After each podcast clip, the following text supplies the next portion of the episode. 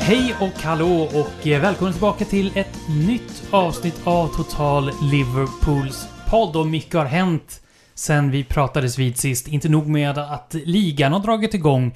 Det har eh, avslutats ett transferfönster och det har varit lite kontroverser också vad gäller ungdomsspelare som inte mår bra psykiskt och agenter som gör utspel. Vi har haft en målvakt som har blivit skadad och det har diskuterats huruvida den nyinköpte eller nyinskaffade andra målvakten levererar. Så att det har hänt en hel del. Och det, vi ska inte bara diskutera vad som har hänt. Vi ska även blicka framåt den kommande månaden. Vi ska se tillbaka på en säsong som hade, ja, stakade ut Liverpools framtid. Jag pratar om säsongen 92-93. Det är ganska mycket forntid nu, men när det var aktuellt så hände det väldigt mycket under den här säsongen.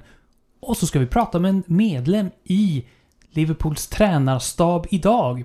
Om jag säger John-Arne Riise eller eh, Rory Delapp, vad tänker du på då? Förmodligen inkast. Vi ska prata med Liverpools inkasttränare som inte bara är eh, tränare gäller inkast, han håller också världsrekord för längsta inkastet någonsin. 51,33 meter lyder siffran och Thomas Grönemark heter dansken som tränar inkast i Liverpool. Och eh, med, med den introduktionen så tänker jag att då kan vi ju fråga Thomas Nygren, hur långt kastar du inkast? Inkast var ju aldrig min starka sida i fotboll heller. Men eh, ja, skulle jag dra till med 15 meter? Jag vet jag är dålig på avstånd. Eh, per Kvist, du som också är med oss idag. Hur långt kastar du inkast? Ja, jag har ju aldrig mött det där, fast det var ju faktiskt en av ganska få saker som jag var bra på när jag spelade. Så att säkert längre än Thomas i alla fall. Vi ska direkt över nu då till Thomas Grönemark, inkasttränare för eh, Liverpool. For how long have you been now in uh, Liverpool and training uh, throw-ins with them? It's uh, I was uh, I got my contract in the middle of June 2018. So I'm I, I've been coaching Liverpool the last season and also so uh, this season. So this is my third contract because the first contract was half a year until New Year's Eve uh, 18 19 and then it was the rest of the season last season and then it was uh, I got a new contract now. So it's my third contract with the club. How come you started to work with throw-ins? It's a quite a special interest.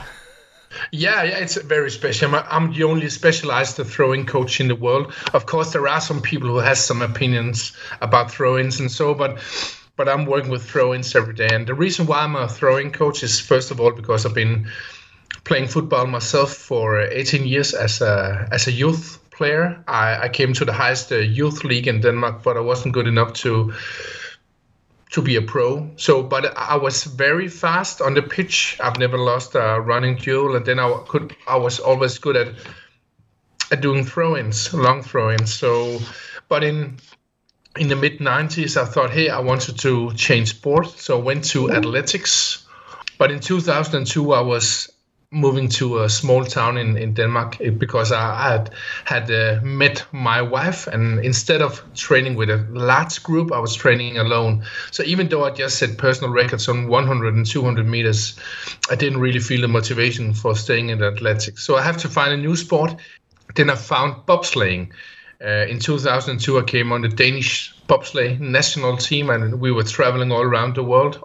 And it was in the middle of that bobsleigh period in 2004 that I thought, hey, if I can make a a good throw in myself, can I teach other players to do it?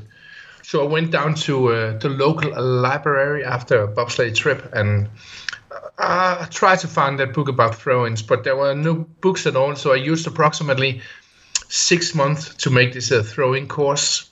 And after six months, I had a I had a course and of course, it would also be pretty cool to be coaching a youth team or or amateur team because, to be honest, I re- didn't really know it, if it would work on anybody else than me. But then I had the courage to ask. Um, to ask a local Superliga team in Denmark called Viborg FF, and uh, they said yes, and they scored a lot of goals on the throw-ins, improved a lot, and the club had had the best placement in the club's history in the Super League that year. So it was pretty successful. And then you can say in the last season, I had the big breakthrough with the.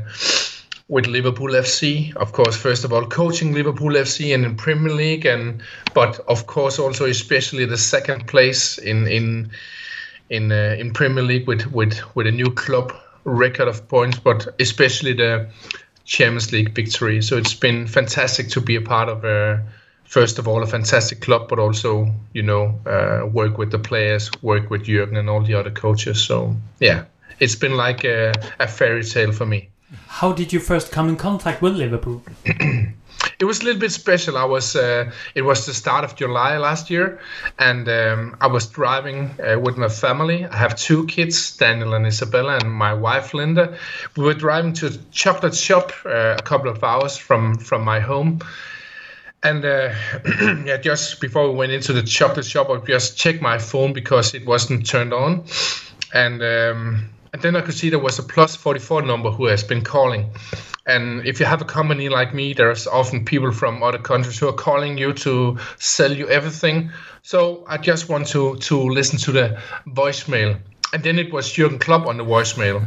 And uh, if I hadn't been sitting down in a car seat, I think I was had been tumbling over. But I just tried to call him again, but he didn't really answer me. So we went into the chocolate shop and uh, yeah, and after that, I just thought, hey, I just want to go home to take the most important call in my life.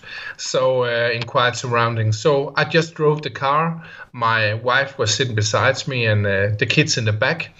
And then suddenly the phone rang, and then my wife took the phone up, and she said, "It's Jürgen." and then I just, I just took the, I just took the car and then drove directly into a grass field. Uh, it was totally safe. No, we weren't in danger. And then in the middle of the grass field in. Um, in, in Denmark, I, I took a uh, yeah a call with Jurgen Klopp, and Jurgen Klopp said says that in, in the season before the 17-18 season, he said, "Oh, we had a fantastic season. It was pretty good, uh, number four in the Premier League and Champions League final, but." We have had so many throw-ins, and we almost lost every throw-in. And uh, we tried to do something but it didn't work. So uh, Jürgen said that he he read a, a an article about me in the German uh, newspaper Bild, and he just tried to call me, and he invited me to come the week after to uh, to a meeting uh, at Melwood. And it should only in you know first be a meeting and nothing else. But he was so convinced at that meeting that the day after the meeting, I got a chance to coach 21 of the players. It was all the players who wasn't on vacation or uh, because of the World Cup or injured or so. and uh, yeah, since then I've been coaching Liverpool. Uh, how would you say that uh, Jurgen Klopp is to to work with? He's a really good leader because first of all he's a kind man. He's very friendly. I think most people can see that when he's in the media. But he's also very good as as a leader in general because he he lets people use their resources. Yeah, and and it's not like he's he's the best. He knows everything. Everyone has to listen to him. So and that's one of the reasons why he said oh there's a guy who knows more about throw-ins than, than I do. Let's invite him. So um, yeah, he's he's just a, a good guy to work for. When you first arrived uh, at Liverpool for training uh, throw-ins, what was the general reaction? What was the general reaction from, the players? Since uh, throw-ins are not the most spoke about. And and that's the funny thing. Before I go over to the reaction from the players, that is that throw-ins are totally underestimated. A lot of people think that if you have to do throwing coaching, it's about taking so many long throw-ins as possible, a little bit like Stoke. And of course, in some clubs, I, I do work a lot with the long throw-ins. For example, in FC Midtjylland, they scored approximately 35 goals the last four seasons on throw-ins in the Super League. So it can be very dangerous. But in Liverpool, we are almost we're not taking any long throw-ins, and and why not? Um, it's because as I said to the players, there are approximately 40 to 60 throw ins in a match. Most teams, when have a throw in under pressure, they have a possession in under 50% of the circumstances. And if you had a passing rate uh, on under 50%, you wouldn't be playing professional football. You'll play in the Sunday league. In football, you're just getting used to that that throw-ins are bad just try to take a look at, at a football match. It doesn't matter if it's English, Danish, or Swedish commentators. If if you are seeing an unprecise throw in, for example, or a throw in with, with no movement, and and the team lose the ball, the commentators aren't saying anything at all. But if you lose the ball with a simple pass in the middle of the pitch, then they'll say, "Oh, oh, he doesn't belong to the team," and so so throw-ins are underestimated. And it was the same thing i said to the players. It's not i'm not going to make you stoke number two. There are 40 to 60 throw-ins in a match and most teams have possession under seven uh, sorry under 50% of the circumstances when have throw-in under pressure. In the last season in liverpool we normally had possession between 70 and 100% of the circumstances with the throw-ins under pressure in, in, in every game we're just beating the opponents. For example, in the first Champions League match, uh, Champions League match uh, against Bayern Munich, they had a possession at throwing under pressure with uh, at 28%, and that was because if Bayern Munich couldn't throw it fast, then they had no real strategy or a very similar strategy. They just threw it down the line. So 28% from Bayern Munich is pretty simple. If you have the ball keep possession, then you can score a goal after throwing. If you lose the ball, you're often caught out of balance, and there's big risk of of, of getting a uh, you know a goal against you. And then the third thing is that if you're keeping possession of throwing, then you have more control on the game, and that that was one of the things that made Liverpool, you know, more in control compared to you know the the the heavy metal football again the season before where we were winning winning losing draw winning losing draw. That's what was one of the reasons why we were you know so many points behind city. So so it's just a, a big advantage to be able to either um, keep possession when we have a throw in under pressure or create chances. Uh, when you practice, uh, do you practice different kind of throw-ins? I'm practicing everything you can imagine about the throw-ins, both attacking wise and defending wise. I have a thing called the long, the fast, and the clever throw-in. The long throw-in is to improve the length of the throw-in of the fullbacks and the wingers. And that's very important, even though we're not doing a lot of long throw-ins towards the opponent's goal, because if you have a longer throw-in, then you have a greater throw-in area. Uh, and that's important because if you have a short throw-in, it's much easier to put you under pressure. And for example, when when uh, Robo and the Robertson started with me, he could throw 1980, and that's very short for a full-grown player, an adult player. Uh, and it was too easy to put him under pressure at a throw-in.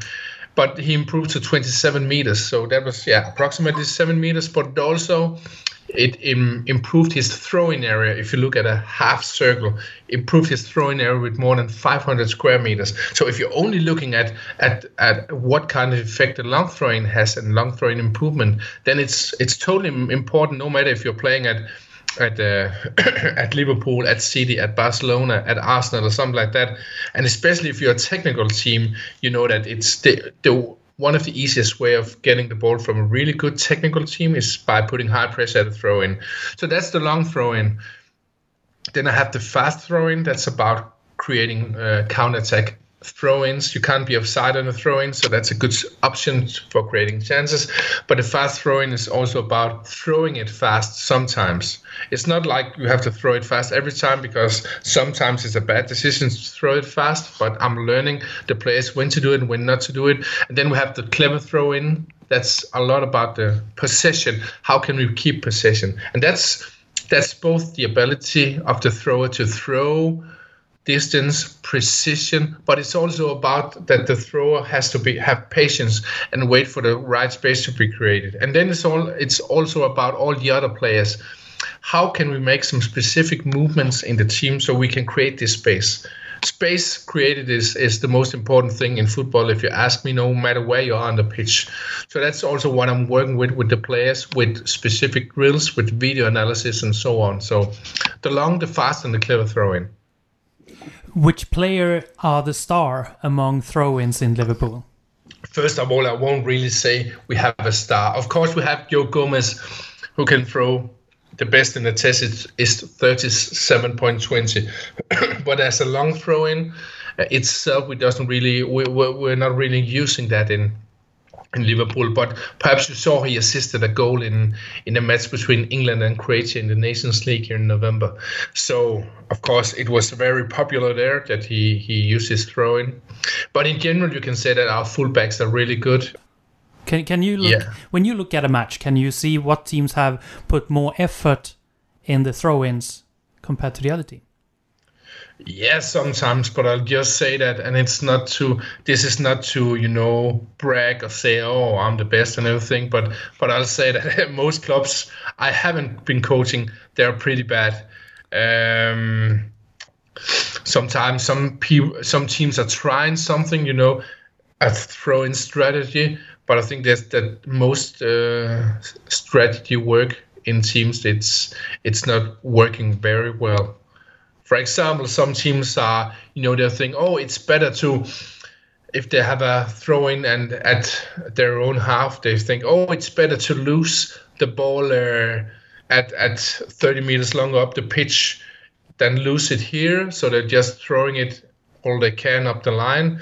And that's just a bad strategy because the the risk of, of losing the ball, losing possession is is is very high. So so in general, I'll say that the, the level of of of um, strategy, the level of um, you know expertise at the different clubs is is pretty low. Yeah. Uh, it's been really interesting to talking to you because as a spectator, it's it's not easy to see all those things that you mentioned with not losing the possession and so because when you play football as a youngster, you you get taught just to throw the ball as far as you can again uh, Yeah. along the line. So Yeah. it would be interesting to watch Liverpool play now that we've spoken to you about your Yeah. strategy. Uh, yeah. I wanted to ask, uh, is it true that you gotten into the Guin- Guinness Book of Records uh, yourself for throw-ins? Yeah, I have the world record, the longest uh, throw in in the world with uh, a throw of uh, 51.33. And it was uh, it was set with a flip throw in where you have the ball, make a run in, jump down on the ball, make a flip, land, and then throw the ball. So uh, I don't teach the players to do that, but um, because it's yeah, first of all it's too dangerous, and the second thing is most flip throw-ins there are too high. Ah. So it's it's it's, it's I'd rather have a a more flat throw in if you have to throw it long or throw it long down the line. So, but it's totally entertaining. And I, I had a record attempt in a match between Denmark and Spain, the national match in 2008, a full Parken stadium. And then I had a, a, uh world record attempt and at the match Hertha Berlin, uh, Wolfsburg in 2009 at the Olympic Stadium in Berlin with uh, 40,000 spectators and and then I beat the world record in 2010. It was just a little bit more humble uh, place. It was a girls' football camp with um, 250 participants. So, uh, but I beat the world record. So. Uh, I've been having the world record for nine years. Perhaps I'll lose it again tomorrow, but no matter what, it's it's been a, a big advantage for me. Uh, uh, also as a throwing coach to not only be the only throwing coach but also be be, be the best in the world to throw it so um, yeah it's not bad you can see it on youtube just search my name thomas gronemark uh, or throwing coach or something like that or world record then you'll see the see the world record yeah Okay. Thank you uh, very much for your time. And uh, will we see, be hearing you? Are you going to be training Liverpool in the future also when your this contract is up? Oh, let's see. I have a contract for this season, and and uh, and you'll never know. but but again, no matter what, I can say it's my third contract. I've been together with the team and the coaches, the players, been winning the Champions League, number two in in in in Premier League, and this season I think it looks good. So no matter what happens next season, again. Um, I'm happy, man. Uh, it couldn't be it, it couldn't be better. Thank you, thank you very much. You're welcome. Yeah, thank you. bye. bye. Tack så mycket Thomas Grönemark som har varit med oss nu och pratat inkast. Nu så ska vi ägna oss åt vad vi brukar göra i den här podden. Vi brukar blicka tillbaka, vi brukar blicka framåt och vi brukar diskutera vad det är som har hänt under den tiden som har gått mellan vi spelade in det senaste avsnittet och sätter oss i det här rummet och diskuterar dagens avsnitt. Det har spelats fotboll. Ligasäsongen har dragit igång. Liverpool toppar i dagsläget tabellen med maximala 12 poäng efter att man eh, vann mot Norwich i premiären följt av en vinst mot Southampton. En eh, vinst blev det även mot Arsenal och Burnley. Vilket då leder till 12 poäng. Och Thomas Nygren och Per Kvist. Vad, vad är era tankar så här om eh, de här fyra första matcherna av eh, Premier League-säsongen? Eh, ja, spontant. Först och främst får man säga att det är ju en eh, väldigt fin inledning. Vi är ju det enda laget som står på full pott efter fyra omgångar. Vi har ju skaffat en ändå rejäl lucka ner till Chelsea, Tottenham, United, Arsenal redan nu. Och det är ju såklart, det är ju jättebra. Men främst så tar jag med mig att Liverpool ser väldigt, väldigt starka ut. Eh, vi har ett, ett gediget lagbygge där eh, alla verkar veta precis vad de ska göra. Och den här lilla oron som man kanske kunde känna lite efter en tafflig försäsong är ju... Den är ju som bortblåst nu. Ser man de här fyra matcherna som vi har spelat så blir vi lite, lite bättre för varje match. Och mot att slå Burnley borta med 3-0 utan att liksom behöva förta sig, det är ju ett riktigt styrkebesked. För vi ska komma ihåg att bortaplan på Turf Moor mot Sean Dykes Burnley, det är ingenting man bara springer hem. Det var ju bara, var det två säsonger sedan som vi lyckades vinna på att Ragnar Klavan snubblade in, eller snubblade, ramlade in i bollen på mållinjen i stort sett och avgjorde. Så nej, det ser, det ser jättebra ut. Man får egentligen eh, spe, spelmässigt, det finns vissa saker som kanske skulle kunna vara bättre, men så här tidigt på säsongen så har vi verkligen satt oss i respekt. Per, när säsongen skulle inledas, vad hade du för frågor då liksom som, som du kände lite osäkerhet på? Ja, det var ju lite oklart den fysiska statusen på Salah, Mané, Firmino i och med att de hade haft så otroligt långa säsonger. Men de har ju varit bra från start den här säsongen, så det är ju väldigt kul. Men framförallt så är det ju ganska tydligt att Liverpool är ju ett samspelt lag. Och det är ju naturligtvis också en konsekvens av att man inte har gjort några större förändringar. För vi håller ju inte på att spela in nya spelare som till exempel Arsenal gör. Så att det är ju såklart en konkurrensfördel just nu. Men en spelare som har införskaffats är en, en ny målvakt som håller på att spelas in i och med att eh, den första klara, tydliga första målvakten Allison skadade sig nästan omedelbart. Vad är eh, din kommentar om eh, Adrian då som är Liverpools nya andra målvakt och som har spelat eh, majoriteten av matcherna? Per. Det är ju för sig sant att han håller på att spelas in men det är ändå mindre taktiskt att ta till sig jämfört med när vi spelade in Fabinho till exempel i fjol. Och jag har väl alltid tyckt om Adrian att han är en kapabel Premier League-målvakt. Ungefär som Simon Mignolet som han ju ersatte. De är ungefär på samma nivå. Och det är väl mer, och kanske inte en slump, men ja, kanske lite tillfällighet att Mignolet har spelat många matcher för Liverpool medan Adrian har spelat många för West Ham. Det är ju inte representativt för deras nivåer skulle jag säga. Så han är ju absolut en kapabel andra målvakt Utan att för den skull vara i närheten av Allison förstås. Ja, men det är intressant för det är klart att Adrian, det är ju det är en okej okay målvakt. Sett över en hel säsong skulle vi såklart inte kunna det skulle vara en poängförluster av honom jämfört med Alisson över en längre tid. Och man märker ju...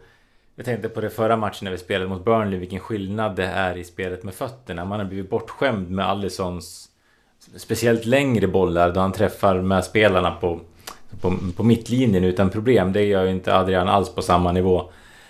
Samtidigt så blir man också påmind om vilken otroligt trygg backlinje vi har. För egentligen så har man ju inte märkt så mycket av att det står en helt ny målvakt där bak som skrev på för klubben för en eh, månad sedan. Det är klart han hade en... Eh, han gjorde ju ett litet klantigt ingripande mot Southampton.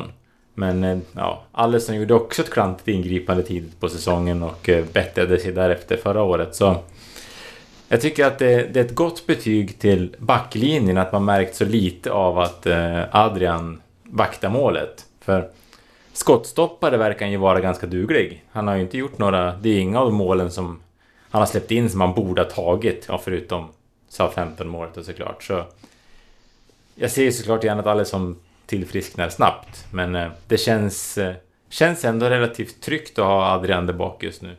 Per, du svarade att eh, du har fått en del svar på några av de frågor som, som du hade med från trion där, hur de skulle må och i vilken form de skulle vara i efter att ha spelat Eh, mästerskap under sommaren. Är det några frågor som har dykt upp så här under de första inledningen av säsongen? Mittfältet är väl kanske där som man kan ha lite, lite funderingar. Nu blev ju Keita skadad igen. Så då har det blivit lite mer eh, självklart vilka tre som ska starta där, in, där på mitten och de har ju gjort det väldigt bra. Men det är ju de här som inte får plats längre som man funderar kring lite grann vad som händer med, med James Milner nu när kontraktet går ut efter den här säsongen. Kommer han att acceptera att vara en, en spelare som hoppar in, att vara den här rutinerade räven som får kliva in 20 minuter, 30 minuter, spela var femte match kanske. Kommer han köpa det i den skedet av karriären? Shakiri har vi också som man får eh, ställa sig fundersam till eh, hur han kommer köpa att vara en spelare som, vad har han spelat den här säsongen, 10 minuter? Det tror jag inte han såg framför sig när han skrev på för Liverpool. Så eh, där har vi väl kanske, kanske frågetecknen. Sen har vi också Matip eller Gomes Gomez i mittförsvaret. Det är väl också en sån här grej som man har som har diskuterats mycket i alla fall, även om jag tycker att Matip har eh, cementerat sin plats där för åtminstone den kommande tiden. Per, har du eh, fått några frågor som har dykt upp efter den här ändå lyckosamma inledningen?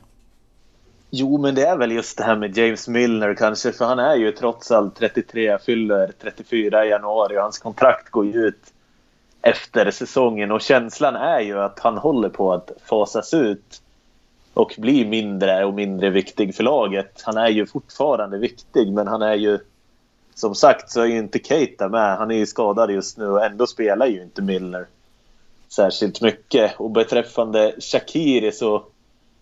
Jag vet inte om ni känner till den här nya nättidningen. Jag tror vi pratade lite om det i förra avsnittet. The Athletic, de har ju bland annat tagit över James Pearce ifrån Liverpool Echo. Och han skrev mycket om Shakiri under försäsongen. Att han fortfarande håller på att akklimatisera sig till Liverpools taktiska direktiv och att Klopp har stora förhoppningar på honom den här säsongen. Och det är ju intressant att Shakiri tackar nej till landslaget nu under det här landslagsuppehållet för att koncentrera sig på Liverpool. Och det säger ju någonting om Shakiris inställning och kanske någonting om hans självinsikt i det här läget av hans Liverpool-karriär. Och det skulle ju vara otroligt roligt om tålamodet lönade sig i längden för hans del. Det har ju varit eh, andra eh, frågor som har ställts. Eh, under den senaste veckan så kom det ut ett Twitter-meddelande.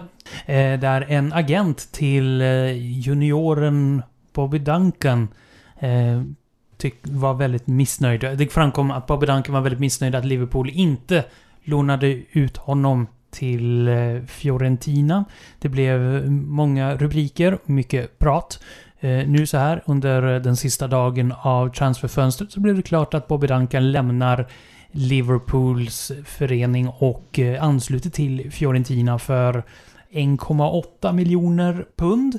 Eh, vad, vad, är era tankar om den här kontroversen som har då rört eh, den här 18-årige eh, jättetalangen får man väl ändå säga? Ja, man blir ju man blir så jäkla trött på sånt här när agenterna kommer och blandar sig i och skriver och jag menar Bobby Duncan han har ju egentligen inte uträttat någonting. Han har ju nyss kommit till Liverpool fått åka med på turnén med A-laget, skriver på sociala medier om hur lycklig han är att vara i sin barndomsklubb och allt sånt där. Och sen några veckor senare så är, är han så deprimerad så att inte han kan resa sig ur sängen. Det är ju... Det är ju någonting som är konstigt i det här och det är klart att den här agenten som han hade läste man på lite mer om honom så framstod ju han kanske inte som den eh, mest sympatiska personen där ute. Och då är det ändå jämfört med andra agenter. Eh, så jag, ty jag tycker att sånt här är så jäkla tröttsamt. Den, Bobby Duncans karriär är ju liksom i fara fast han är så här pass ung. För han har redan hattat det mellan klubbar. Verkar ha väldigt dåliga rådgivare. För man, det, var ju, det var ju nästan på samma sätt som han hamnade i Liverpool. Att han hade strulat sig iväg från sin tidigare klubb. Nu kommer jag inte ihåg om det var Manchester City. Eh, Mm, City. Ja, så att det fortsätter så här att han nu på, på kort tid är i sin tredje klubb. Men han kommer inte få spela A-lagsfotboll i Fiorentina. Utan han, han kommer ju spela juniorfotboll där också. Så nej, jag tycker att det här är, det är jättetråkigt. Jag tyckte... Jag störde mig på Raheem Sterling när hans agent var ute och strulade. Och jag har otroligt svårt att köpa Coutinhos beteende när han bråkar sig bort. Jag har svårt att köpa Suarez beteende när han bråkar sig bort. Men de hade ju ändå... De kändes det ändå som att de liksom kanske hade vuxit ur kostymen lite grann. Att de ville prova någonting, prova någonting större, komma till en större klubb. Men Bobby Duncan, att han sitter från juniorlaget och gnäller efter att ha fått åka till USA med A-laget och känna på att spela med storstjärnor. Det är, är jättekonstigt. Per, vad är dina tankar? Oh, he- hela Bobby Duncan-historien och hans korta karriär har ju fått en märklig utveckling på något sätt de senaste åren. För förra säsongen satt han ju av hela säsongen och spelade inte tävlingsmatcher eftersom han ville bort från Manchester City. Han såg inte möjligheterna att komma med i deras A-lag. Så vad gjorde han då? Han gick till Liverpool. Ungefär som att det skulle vara jättelätt att komma med i Liverpools A-lag. Han borde ju i så fall kanske ha gått ner i Championship eller någonting om han var så himla angelägen om att spela A-lagsfotboll. Så då missade han ju ett helt år av sin karriär i klubbfotbollen. Och det var ju väldigt, väldigt konstigt att ha den, det tålamodet och pressa fram flytten till Liverpool om man inte ämnar att ha större tålamod sen i Liverpool. Jag menar, han kom ju förra sommaren. Han har ju knappt spelat i Liverpool. Så det här, hela historien är ju jättemärklig. Och vad gör han då, då när, det, när han ser, inte ser möjligheten till speltid i Liverpool? Då går han till Fiorentina. Det är ju inte direkt... Ja, det, är ju, det kommer ju, som Thomas är inne på, vara väldigt, väldigt svårt att få speltid där också. Han måste ju ner en nivå om han har någon slags självinsikt. Och den här agenten är ju har ju gjort bort sig totalt och vad jag förstår så var han inte i slutändan inte inblandad i övergången för Liverpool vill inte ha med honom. Så att det är ju väldigt tråkigt för det här svärtar ju ner hans namn och det är ju möjligt att om några år att det är det här vi kommer komma ihåg från hans karriär och det är ju tråkigt. Hur tycker ni klubben har eh, reagerat under eh, den här affären? Det är ju inte första gången som eh, spelare har velat bråka sig bort från, från Liverpool som du nämnde Thomas. Alltså, det blir lite skillnad för det här är ju en så pass, eh, så pass liten eh, spelare ändå i, i Liverpool. Han har ju inte liksom, satt sin fot i A-laget på riktigt än. Så jag tycker att det var ganska skönt att de, att de sålde honom så att man slapp liksom...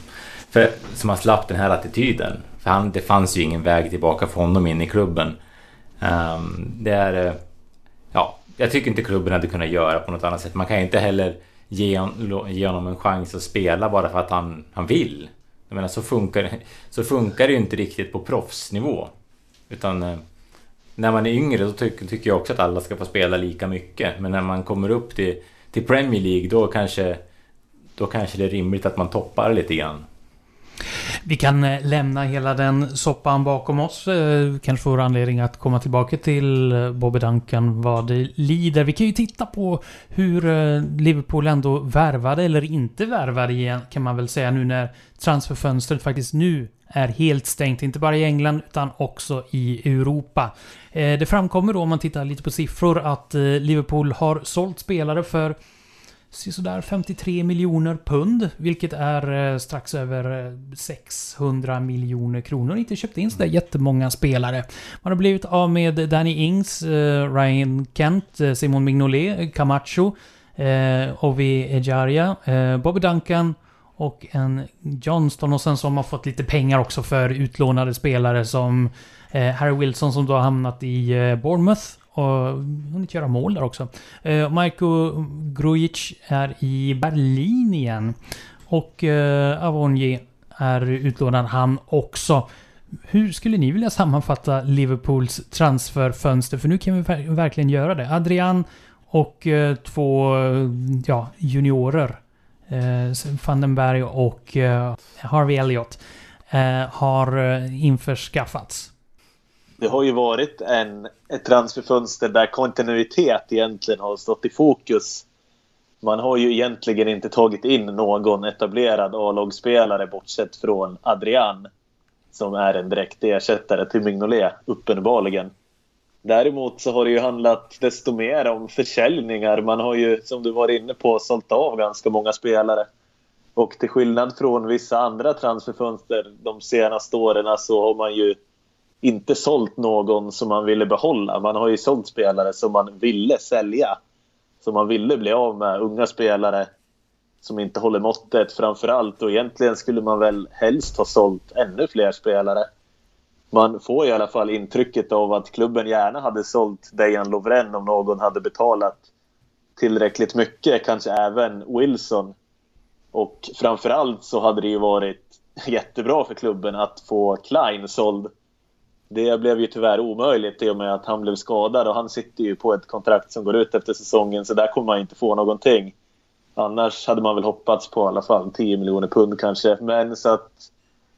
Ja, det har varit kontinuitet, det har varit försäljningar och så har det varit några få talanger som har kommit. Van den Berg, the jury is still out så att säga på båda två. Men det är ju uppenbarligen två talangfulla spelare och jag måste ju säga att det som man har sett hittills ifrån Harvey Elliott i reservlaget under försäsongen. Det ser ju otroligt spännande ut. Så det är ju en fin värvning, tror jag. Och det kan ju också bli så att man får betala en hel del för honom. Han kommer ju inte bli gratis. Det kommer ju vara en tribunal som fastställer det där. Och det kommer väl i alla fall landa i en 3, 4, 5, kanske 6 miljoner pund. Så någonting får man i alla fall betala för honom.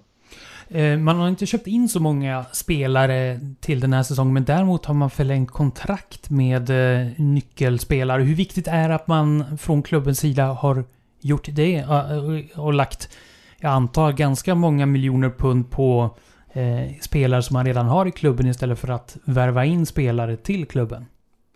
Det är, ju, det är ju jätteviktigt såklart att man ger de här spelarna som har presterat på en hög nivå en belöning. För det är ju flera som har fått både förlängda kontrakt och löneförhöjningar. Och jag, jag räknar med att en sån som Joel Matip snart sitter och visas upp med ett nytt kontrakt framför sig också. Men att man förlänger med... Vi har ju långt kontrakt med Salah, Mané, Firmino, Alexander Arnold, Robertson. Alla liksom som har... Eh, som har dragit ett tungt lass de sista åren har ju fått en belöning och det gör ju att man visar ut att man tror på det här projektet. Att man eh, vill vara i klubben under en längre tid. Sen så vet jag att det kan vända snabbt. Ett nyskrivet kontrakt betyder inte att man är kvar i fem år. Men någonstans när alla gör det samtidigt så sänder det signaler runt om i Europa att Liverpool är bra och spelarna tror på det. Och det är ju det är jätteviktigt och jag tror att vi kommer få se fler kontraktsförlängningar framöver. Van Dijk ska väl också få en liten belöning för att han har skött sig helt okej okay sista ett och ett halvt åren. Så äh, det, det är jättebra och jag, om eh, man väljer det över eh, att förstärka truppen med att köpa in nya spelare så står jag helt bakom beslutet att man väljer att, att, man väljer att förlänga istället. Sen att lönerna, de kommer ju gå upp, men det är ju också, vi har världens bästa målvakt, vi har världens bästa mittback och vi har eh, tre av världens bästa anfallare i vårt anfall, så det är inte mer än rimligt att de tjänar därefter heller. Det är ju bra ålder också på de här spelarna som man har förlängt. Man har ju inte skrivit några lukrativa avtal med 33-åringar eller 34-åringar. Det är ju väldigt många av de här spelarna som fortfarande är ganska unga som Robertson till exempel och Mané. Och det är ju också någonting som jag tycker att man bör ha i beaktande. Är ni nöjda med transferfönstret? Ja, jag är nöjd. Per? Ja, varken eller. Jag tycker det är, det är svårt att vara jättemissnöjd när vi behåller spelare för att man är ju van att sitta och vara frustrerad och förbannad för att man tappar spelare som man jättegärna vill beha, eller vill behålla. Men samtidigt så hade man ju hoppats på en eller två spelare som skulle öka konkurrensen och förstärka truppen så att säga. Så att jag väl varken eller skulle jag säga. Vi pratade lite grann om just det här med att stärka, ha ett alternativ i offensiven. Men det blir ju mer och mer tydligt tycker jag att Klopp kommer ju köra med den här trion så länge, så länge de håller. De, de startar ju alltid Salah, Mané och eh, Firmino. Jag tror att han, han vill ha det så så länge det går. Um, så Då kan jag förstå att inte man lägger stora summor på att få in en till på ungefär samma nivå. För jag tror att det skulle vara svårt att hålla alla nöjda. Och de här tre hittar ju varandra väldigt bra. Det syns ju att de är samspelta. Även om eh, Mané var lite missnöjd med Salas samspel eh, förra matchen så det här är ju det är ju deras, det måste bli deras eh, tredje säsong som de går in i tillsammans och, och det märks ju onekligen. Ja, men man hade ju till exempel kunnat värva en vänsterback också i och med att Moreno lämnade. Där har vi ju bara Robertson och det är väl ändå lite onödigt kan jag känna. Ja, en backup där är väl kanske det som man, om man tittar på truppen utifrån så kanske det som man skulle, som man kan sakna. Eh, så vi, vi får väl se om Robertson håller sig frisk så kommer man inte tänka på det. Men eh, skulle vi, skulle vi åka på en skada där, då är det klart då får James Milner dra ett tyngre lass. Ja. Han har ju rutin till men ja, hyfsat nöjda. Och eh, då går vi vidare till nästa här då. Är ni nöjda med säsongsinledningen innan vi lämnar den? Ja. Per? Ja, självklart. Det är ju tre poängare på tre poängare. Vi ska titta tillbaka i backspegeln och eh, blicka tillbaka mot en tidigare säsong som vi brukar göra och idag så har då turen kommit till säsongen 1992-93. Thomas? Ja, säsongen 1992-93 är ju... Man kan väl säga att det är här som det börjar gå illa på riktigt för Liverpool. Vi pratade, när vi körde igång den här punkten så var det lite grann att vi skulle se vad fan var det som gick fel egentligen? Och nu har vi kommit dit. Ja men nu börjar det... Nu börjar det gå snett. Uh, vi har, den här säsongen gick vi in med Graham Souness som tränare fortfarande. Uh, och det var ju här som han skulle sätta sin uh, prägel på laget. några nya värvningar gjorde man inför den här säsongen. Till exempel så värvade man en ung målvakt vid namn David James. Som ju ändå kommer att sätta vissa spår i, i Liverpool. En ungersk mittfältare vid namn Istvan Kosma. Som vi alla minns vilken succé han var. Eller inte. Eh, man värvade en dansk Europamästare vid namn Torben Picknick. Och en, en eh, offensiv mittfältare som heter Paul Stewart. Man fick se spelare som Barry Venison och eh, Ray Houghton lämna. Och eh, även Dean Saunders lämnade en bit in i, i säsongen. Och det här var, alltså från början till slut, en riktigt risig säsong. Den bästa placeringen man hade i någon turnering egentligen, det var en andra plats och det var i Charity Shield. Som man fick spela för att man vann FA-cupen året innan. Eh, man hade ju sett fram emot att få spela i cupvinnarcupen som fanns på den här tiden eftersom eh, man vann ju FA-cupen. Och eh, där åkte man ut redan i andra omgången. Man lyckades slå ut Apollon Limassol i den, i den första matchen. Men sen så fick man åka till Ryssland och där åkte man på på stryk mot Spartak Moskva. Så det blev ett uttåg tidigt i eh, Europaspelet. Jag kan säga att det var ju en ung spelare som satt på bänken för första gången i sin karriär förresten under den här säsongen. En eh, anfallare som vi kanske kommer komma tillbaka till lite längre fram. För säsongen 92-93 var första gången som Robbie Fowler var med i, i A-lagssammanhang och då var en, eh, en bänkplats i FA-cupen hans första hans första spår i Liverpool. Vi ska väl säga bland nyförvärven glömde jag ju kanske det finaste nyförvärvet. Man hade ju även plockat in Stig-Inge Björneby till den här säsongen. Eh, men ligaspelet här var verkligen ingenting att skryta om. Vi kan väl ta ett exempel månaden februari under säsongen 92-93. Den började med att man spelade 0-0 mot Nottingham och Chelsea. Man förlorar 2-1 mot Southampton. 0-0 mot Ipswich. 1-1 mot Sheffield Wednesday. Fem matcher, ingen vinst, två mål. Båda målen gjordes av Don Hutchinson för övrigt. Eh, så det här var en säsong som var ett enda långt lidande. I mars så hade Liverpool avancerat upp till tionde plats i tabellen. Som sämst var man nere på sextonde plats i början på säsongen. Eh, de började spotta upp sig mot slutet av säsongen och lyckades med hjälp av en ganska stark avslutning hanka sig upp till sjätte plats i tabellen. Så det här var Liverpools andra sjätte placering i rad och här var det en sjätte placering som eh, snarare fick ses som en framgång sett till hur säsongen artade sig.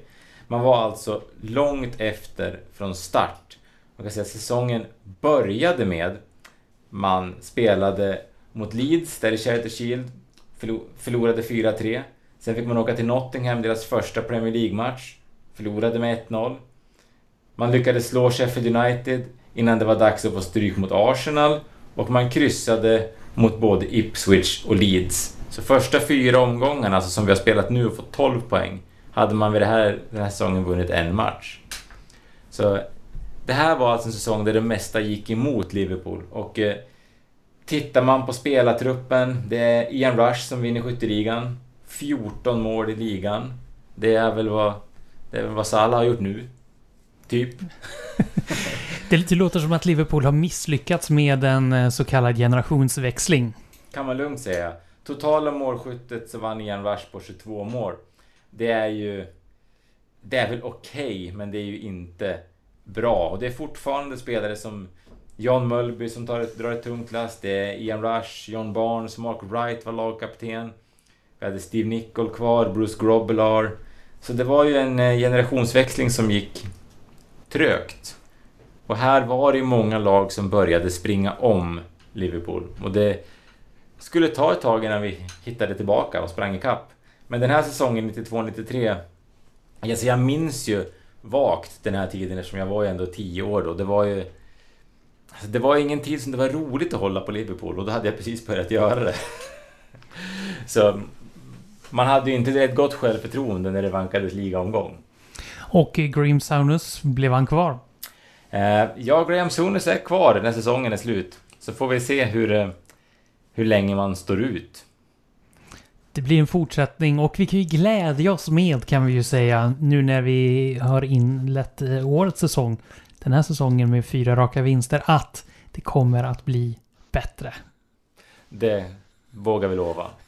Ska vi göra så att vi kikar framåt lite i tiden? Vi kan ju börja med att kika på hur det ser ut i ligan. Det är ju landslagsuppehåll nu. Tillbaka i vardagslunken kommer det bli den 14 september då hemma mot Newcastle och sen så drar Champions League igång också. Eh, inledningsmatchen mot Napoli, följt av en ligamatch mot Chelsea. Sen blir det en cupmatch mot MK Dons, följt av en ligamatch mot Sheffield United. Sen blir det Champions League igen, Salzburg. Och för att sen spela mot Leicester den 5 oktober. När man tittar på det här spelschemat, vad, vad känner ni då, Per? Jag känner att det kommer att bli flera väldigt svåra matcher. Vi kommer ihåg Napoli borta i fjol i Champions League. Det var ju kanske Liverpools sämsta match på hela säsongen och de ser ju intressanta ut framåt i alla fall nu inledningsvis. Chelsea borta är ju också en svår match. Även om de är inne i en generationsväxling nu så såg vi ju i Supercupen att de ändå är en svår motståndare. Så att det blir absolut en väldigt tuff månad men det som jag känner lite är ju att det skulle ju vara otroligt skönt att utöver ligaspelet också göra bra resultat i Champions League. Förra säsongen var ju gruppspelet lite sådär men vi gick vidare till slut ändå. Det skulle ju vara skönt att vinna de två första matcherna och få andrum i, i gruppspelet där. Är det nu man kan säga att uh, den här inaktiviteten då av nya spelare, att man har sålt betydligt fler spelare än vad man har eh, köpt in, att det sätts på prov nu när det blir eh, betydligt mer matcher. Det blir de här två matcher i veckan. Ja, det är klart vi kommer få se lite fler spelare spela nu. Jag tänker att både MK Dons i ligacupen och Salzburg i Champions League kommer vara två matcher där vi säkert kommer få se både Origi, Shakiri, Milner, Lalana och eh, de som inte har, inte har gjort så mycket speltid än. Eh, men precis som Pelle är inne på så känns det som att det vore skönt att för en gång skulle ta sig vidare ur gruppspelet i Champions League på ett behagligt sätt. Jag vet, jag diskuterade det här med en, eh, en kompis på Twitter i samband med lottningen att det brukar inte spela någon roll vilka Liverpool får möta. På något sätt så är det alltid sista jävla sparken i gruppspelet som gör att vi går vidare. Um, och det vore skönt att slippa det en gång. Att kanske ta poäng borta mot Napoli, vinna mot Salzburg, stå på fyra eller sex poäng efter två omgångar och sen kunna ta det... Ta det liksom kunna vila spelare i andra när det vänder. Um, så det vore skönt. Men tittar man på ligaspelet så är det lite grann... Vi har, haft en, vi har inte haft en lätt start, men vi har haft en eh, okej okay, liksom lottning. Arsenal, ett nybygge. Burnley borta är väl kanske den svåraste matchen vi haft hittills. Nu kommer Chelsea borta och vi ska möta ett eh, Leicester som går riktigt bra. Så det blir lite upp till bevis nu. Jag eh, hoppas att vi börjar med att slå Newcastle den 14 och sen då kommer vi stå på 15 poäng på fem matcher och då har vi faktiskt utrymme att gå på någon liten mina i alla fall. Men eh, nu, det ska bli spännande. Om vi då tar Champions League som vi pratar om lite så har Liverpool hamnat i samma grupp som Napoli, som Salzburg och som belgiska Genk. Per, vad tycker du om den gruppen? Känns det som en potentiell behaglig resa genom gruppspelet? Jo, men det gör det väl trots allt. Det är som Thomas är inne på att det brukar ju aldrig bli det ändå i slutändan. Men det är ju klart att Genk och Salzburg är ju lag som ska vara några nivåer efter Liverpool och Napoli. Så att ja, det borde ju kunna bli en behaglig resa. Det är en grupp vi ska gå vidare ifrån. Det är ju inget snack om det. Men Salzburg och Genk ska inte vara i närheten. Så det, egentligen ska det bara handla om vilka som vinner gruppen. Vi ska gå vidare och um, vi bör klara av att gå vidare ganska behagligt ändå tycker jag. Och eh, vi, vi var lite inne och nosade på eh, ligan. Eh, Newcastle, Chelsea, Sheffield United och Leicester. Är det en fullpott vi har att se fram emot efter de fyra matcherna? Jag tror att vi kommer... Jag tror att det blir ett kryss. Jag tror att vi kommer kryssa mot Chelsea.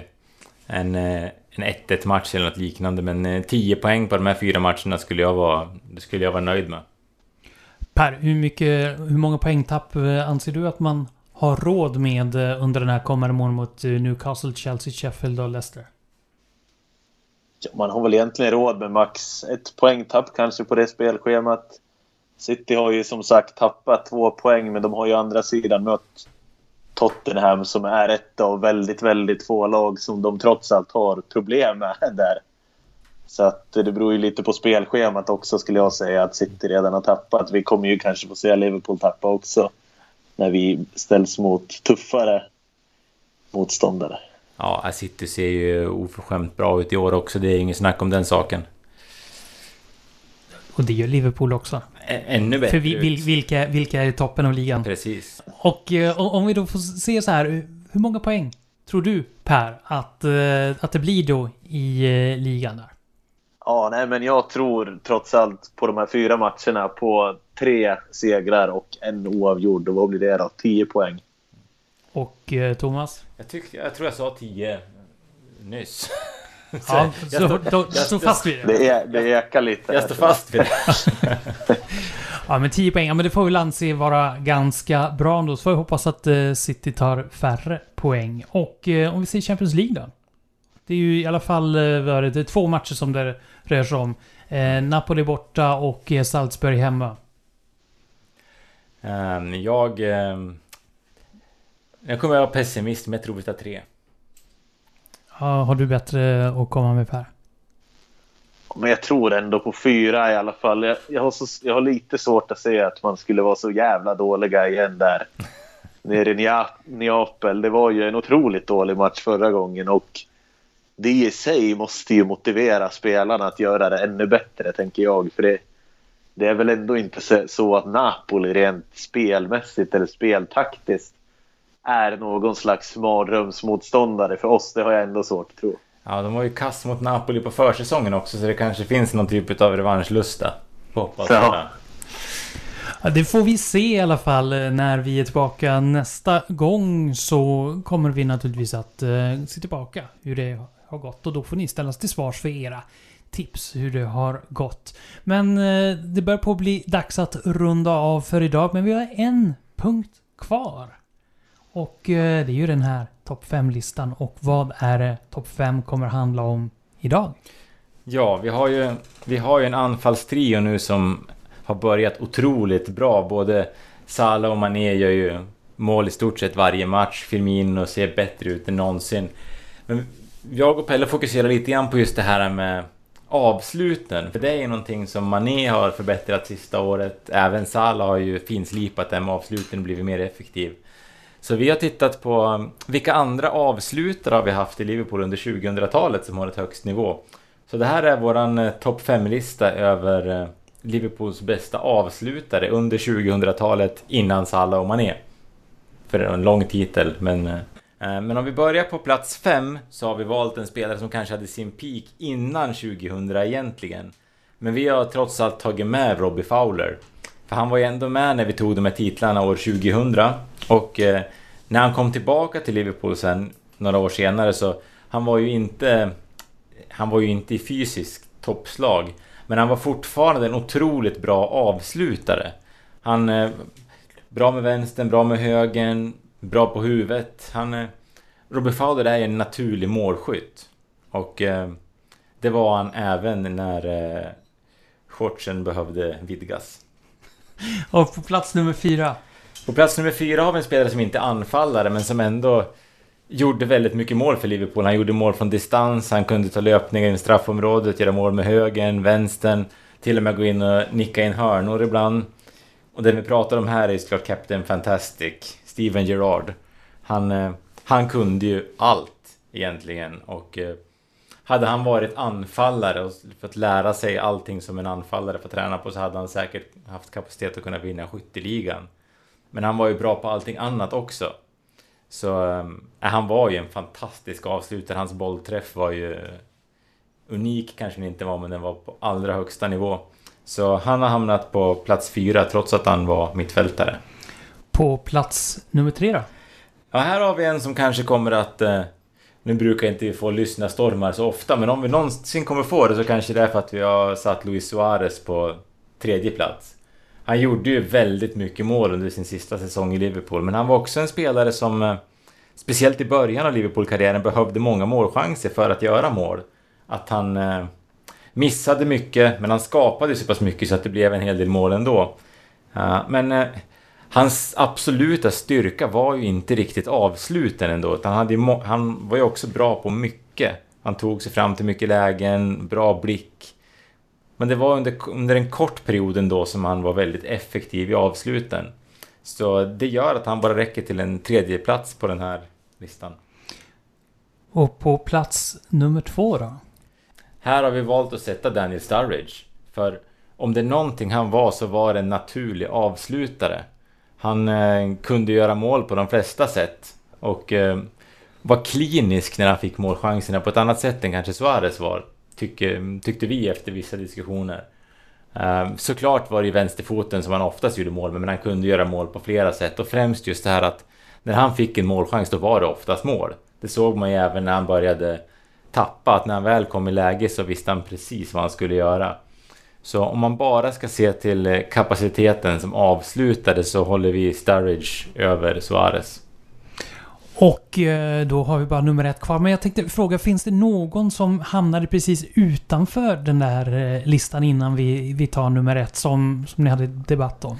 Ja, alltså egentligen så är det två namn kvar som skulle kunna vara etta sett under 2000-talet. Men vi har valt att inte ta med Michael Owen på den här listan. För eh, som avslutare så var han inte på den yppersta världsklassnivån. Däremot så var han så pass snabb att han tog sig till många målchanser. Han, eh, han hade ju oftast ett liknande sätt att göra mål på. Han var väl kanske mer en måltjuv än en avslutare. Uh, inte så många mål utanför straffområdet, även om han hade en fin där mot Argentina i VM sådär. Så sett till avslutskvalitet så var han väl kanske inte på samma nivå som uh, som de andra. Men att han är utanför listan säger också någonting om att vi faktiskt har haft ganska bra målskyttar i Liverpool under 2000-talet. Och vem är då den sista? Eh, den bästa, mest naturliga avslutaren som vi har kommit fram till det är Fernando Torres. Han kunde ju, han ledde ju anfallet själv och, och trots det så var han ju livsfarlig. Och han kunde ju mål på så många olika sätt. Han behövde liksom inte riktigt målchans för att, för att göra mål. Jag minns ju det här mål mot Blackburn när han bara vänder om och skjuter på halvvolley eller när han tar bollen och rycker förbi en försvarare och sätter upp bollen i nättaket. Han, eh, han var klinisk på en helt annan, eh, en, nivå, en helt annan nivå. Så det var en världsklassavslutare, Torres. När han var som bäst, det, ja, det, då var han någonting annat. Och eh, när Thomas säger det här så eh, lyser det lite ur ögonen som att han minns tillbaka vem som är den bästa avslutaren under 2000-talet som inte är Mané och Salah. Fick jag det rätt nu? Nu fick du rätt. Jag kan säga, jag har, fått, jag har fått in lite, lite förslag på, på Twitter också. För jag skickade ju ut den här frågan. Och det, det var ju en fråga som många tyckte var intressant. Ska jag säga. Eh, bland annat har vi Robin som, som skrev på våran sida tidigare. Han eh, valde att ta upp Owen, Torres, Gerard. Um, ehm, Suarez tyckte han en säsong där han var klinisk och även om inte han gjorde mål innan så var han inte i närheten av de andra tre gällande hög nivå. Han tyckte att Fowler eh, ramlade bort eftersom han inte höll samma nivå på 2000-talet. Och det är klart, där har han väl en, eh, en poäng. Eh, Joakim Sten nämnde Fowler. Vi hade Balbalata. Nu tror jag att det är en eh, podcast faktiskt, Balbalata. Och eh, de eh, la in ett klipp på Christian Benteke. Och det var ett ganska intressant val ändå, för han var ju faktiskt en riktigt bra avslutare men passade inte in i Liverpool-spel riktigt. Sen att han har gjort, vad är det nu, fyra mål på två år eller någonting i Crystal Palace. Så, ja. Han följer en tradition som finns i Crystal Palace numera. ja. De kan nog få vem som helst att sluta göra mål. Sen har vi Kristoffer Andersson som eh, gissar jag ironiskt valde att ta med Andrea Dosena. Um, Joakim Sten hade också tagit med Owen, Suarez, Torres. Andreas Lindman, Torres, Suarez, Owen, Sturridge, Gerard. Uh, ehm, vi hade Daniel Lagerqvist som eh, också han nämner Fowler, även om hans avslut var vassare på 90-talet. Daniel Forsberg kommer med några namn som inte har dykt upp som jag tyckte var intressanta. Dels har vi Maxi Rodriguez som ju faktiskt var en duktig avslutare. Han tar också upp både Agger och eh, Fabio Aurelio. Och de var ju också skickliga avslutare fast de kanske inte fick visa det lika ofta. Om man, om man jämför med de här som vi har valt så kanske de var lite mer eh, endimensionella i sina avslut. Eh, han tyckte att Suarez skulle vara ohotad detta. Det är, ju, det är ju som ni var inne på att ibland är ju spelare bra avslutare men de får inte ut det i vissa miljöer. Benteke fick ju inte ut det i Liverpool och det fick ju heller inte till exempel Jibril Cissé. Han gjorde ju många mål innan han kom till Liverpool och Torres, han var ju raka motsatsen. Han var ju känd för att vara en spelare som missade ganska mycket innan han kom till Liverpool men allt klaffade ju på något sätt i, i Liverpool för Torres. Så det är ju så fantastiskt att se när en spelare får till allting och nästan spelar i trans. Och jag satt och tänkte lite, vi har ju pratat om den här listan tillsammans och nu satt jag ändå och tänkte lite när du motiverade och pratade om andra, andra förslag och sådär. Och det finns ju faktiskt en spelare som inte heller fick till det i Liverpool för han var för dålig rent allmänt och han var för gammal. Men han har ju gjort väldigt många mål under sin karriär innan och det här är väl nästan att svära i kyrkan lite men det är ju faktiskt Ricky Lambert. Jag vet inte om ni kommer ihåg det när han spelade i Southampton. Han gjorde ju faktiskt mål på många sätt. Han gjorde ju mål med höger, vänster, han drog in frisparkar, nära håll, långt håll med huvudet. Så att han var ju faktiskt en väldigt bra avslutare om man ska isolera avslut så att säga. Ja, jag tyckte ändå han förtjänar någon slags erkännande för det för han får ju han får ju alltid otroligt mycket skit annars. Ja, men det är en bra peng. Han, han så, kändes ju som ett säkert kort när vi värvade honom ändå. Att en bill, billig peng, bra avslutare. Tyvärr ett år för sent. Eller ett par år för sent. Ja. Sen, Fem, så, sex år för sent. sen får vi slänga in ett hedersomnämnande till Dirk Kuyt som var en ganska dålig avslutare men hade en väldigt stark näsa för mål. Kunde forcera in bollen Ja. nästan. Om vi skulle gå... Om vi skulle ranka de fem bästa returmålskyttarna då skulle Dirk Kuyt vara åtminstone etta, tvåa, trea. Ja, spelförståelse på hög nivå. Ja. Vi kanske återkommer till eh, bästa målskyttarna och inte avslutande vid något annat eh, tillfälle. Men det här var topplistan i alla fall över de bästa avslutarna som toppades av Fernando Torres och det får runda av det här eh, avsnittet. Fram tills vi hörs i alla fall nästa gång om en dryg månad efter det att Leicester-matchen har spelats och innan dess att eh, Manchester United-matchen spelas så kommer så är vi tillbaka med en ny gäst och ett nytt programinnehåll. Tack så mycket för att ni var med idag, Thomas Nygren Tack, tack. och Per Kvist. Tack, tack. Och tack så mycket till dig som har valt att ladda ner Total Liverpools podd. Fram tills vi hörs igen nästa gång, ha det så bra. Hej då! Liverpool.